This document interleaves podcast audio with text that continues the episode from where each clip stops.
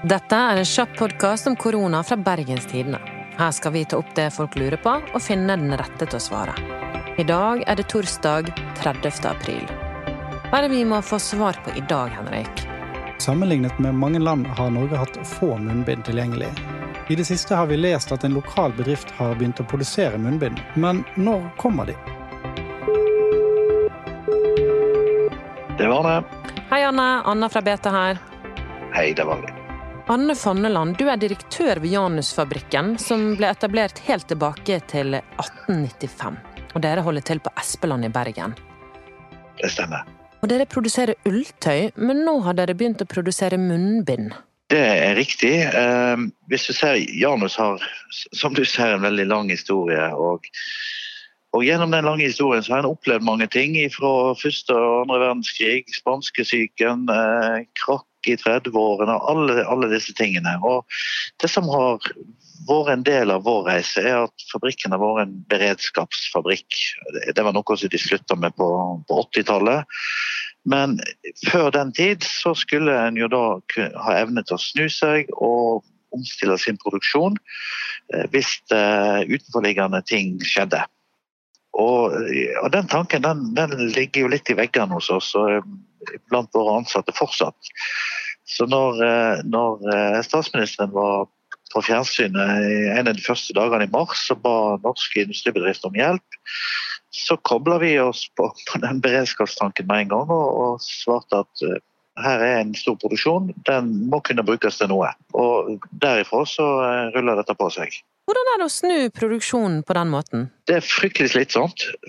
For, for, uh, parallelt med at den at en da skal skyve vekk produksjonen en holder på med, skape eh, tid og anledning for å lage disse tingene, så skal en jo parallelt utvikle dem.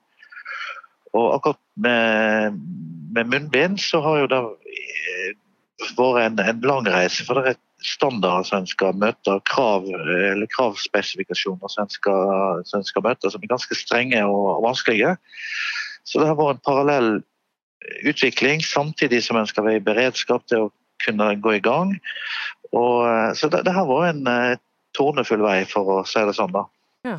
Ja, hvordan går arbeidet? Det går uh, veldig fint. Altså, utviklingen av munnbind fortsetter hos oss, men per nå så har vi, har vi kommet så langt at vi iallfall har valgt å gå ut til eh, kommunale helsetjenester, til bedrifter og til eh, private med å, å tilby dem. Det det går ut på her, er at standarden har en, en såkalt bak, bakteriebarriere som en skal møte. Eh, da tester en disse stoffene opp mot jeg tror det er gule stafylokokker de bruker, og du skal ha en barriere på 95 og vår, vårt munnbind da klarte et gjennomsnitt på 81,5 med beste score på 90,1% Og da var etter råd fra mange og etter samtaler med mange på, så fant vi ut at opptil 90 er bedre enn ingen prosent. Så, så derfor har vi, har vi åpna opp for salg, men merker produktet veldig tydelig at det er ikke et medisinsk godkjent produkt. Og Det har folk vært takknemlige for. For eh, hos oss så opplevde vi med samme vi meldte, meldte oss som, uh, som, en mulig produsent, så gikk helsedirektøren eh, ut i media og fortalte at Janusfabrikken skulle lage munnbind. Og Fra da av har ikke telefonen stått hos oss på alle private som, som ikke får fatt i, ikke får kjøpt, har vært engstelige, redde for å gå på butikken, på bussen osv. Alle har fått en adresse som da heter Janus. og det stresset vi har kjent på, det er jo å prøve å komme opp med et eller annet som, som gjør at folk kan få litt trygghet for hverdagen igjen. Mm.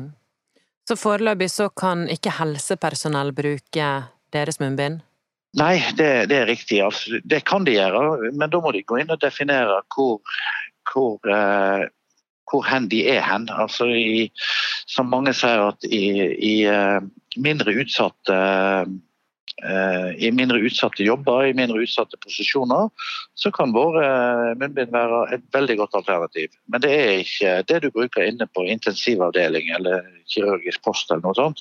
Da skal du ha eh, alle sertifikat på plass. Men i, i deler av sykehusverden, om det er en sjåfør eller om det er en portør eller andre ting, så vil, vil det kunne gi en god beskyttelse. Mm. Og til, fordel for det en kanskje syr hjemme, da, så er iallfall disse munnbindene hos oss. De har gjennomgått testen, og de har en dokumentert eh, egenskap. Så holder dere på å utvikle um, høyere resistens på munnbind, eller er det ferdig? Nei, nei da, det er ikke ferdig. Vi, vi jobber med alternative materialer, membraner som, som kan brukes eh, sammen med, med, ull. Det som er vår kjernetanke her, er at vi må kunne komme opp med noe som du kan bruke flere ganger, som kan, som kan vaskes eller desinfiseres. Eh, for eh, det er klart, Janusfabrikken er bygd på bærekraft og er bygd på, eh, på trauste norske tradisjoner. så vi, må, vi, har lyst til å komme oss litt vekk fra engangsverden som, som helsevesenet er på mange, på mange ting. Så det, det å, å, komme opp med noe som kan brukes om igjen og om igjen, er viktig for oss. Og, det munnbindet vi nå fortsetter å videreutvikle, har òg den tanken at du skal kunne vaske de, du skal kunne desinfisere de og ta de i bruk igjen. Er det sånn at når man har brukt ett munnbind i løpet av en dag, må det vaskes da for å ta i bruk igjen? Vasking er kun hvis det, hvis det har blitt skittent eller man har sølt det til med et eller annet eller føler at det er litt ekkelt. Da, da legger man det i vaskemaskinen og vasker det på et uprogram. Det enkleste er å desinfisere det. og det, det, er akkurat det samme som å koke et egg. Altså Du koker opp vann, eh, trekker platen eh, pannen til side, legger munnbindet oppi og lar det ligge i ti minutter. Tar det opp og lar det tørke. Da er det desinfisert og bakteriefritt og kan brukes om igjen. Arne, er det god butikk å lage munnbind? Det har ikke vi tenkt så veldig mye på. Altså, vi, eh, vi, eh, den beste butikken for oss det er å lage de tingene som fabrikken er, eh, er skrudd sammen for å lage. Og når vi må skyve de tingene til side og ta inn et nytt produkt, så, så er aldri det noen god butikk i første omgang. Men det er en nødvendig butikk. Det er sånn vi ser det. Vi har kapasitet til å lage kanskje inntil 20 000 munnbind i døgnet. Og når det er en mangelvare i helsevesenet og blant, eh, blant folk generelt, så eh, ville det vært meningsløst hvis ikke vi skulle bidra på vår kant. Så lager dere 20 000 munnbind i døgnet nå? Nei, vi er ikke kommet opp i makskapasitet ennå. Det er vi ikke. Vi, er, vi nærmer oss 10 000. Men det vi har kalkulert oss fram til med, med produksjon gjennom hele døgnet, er inntil 20 000. I tillegg så har vi eh, nettopp inngått en ny avtale med, med helsevesenet, der vi òg skal lage et nytt gjenbruksprodukt for dem. Det er operasjonslue. Eh, så vi har akkurat signert en kontrakt med, med sykehusinnkjøp på produksjon av 200 000 luer i ull og bomull, som òg skal være gjenbrukbare og skal brukes på operasjonsstuene rundt om i norske sykehus.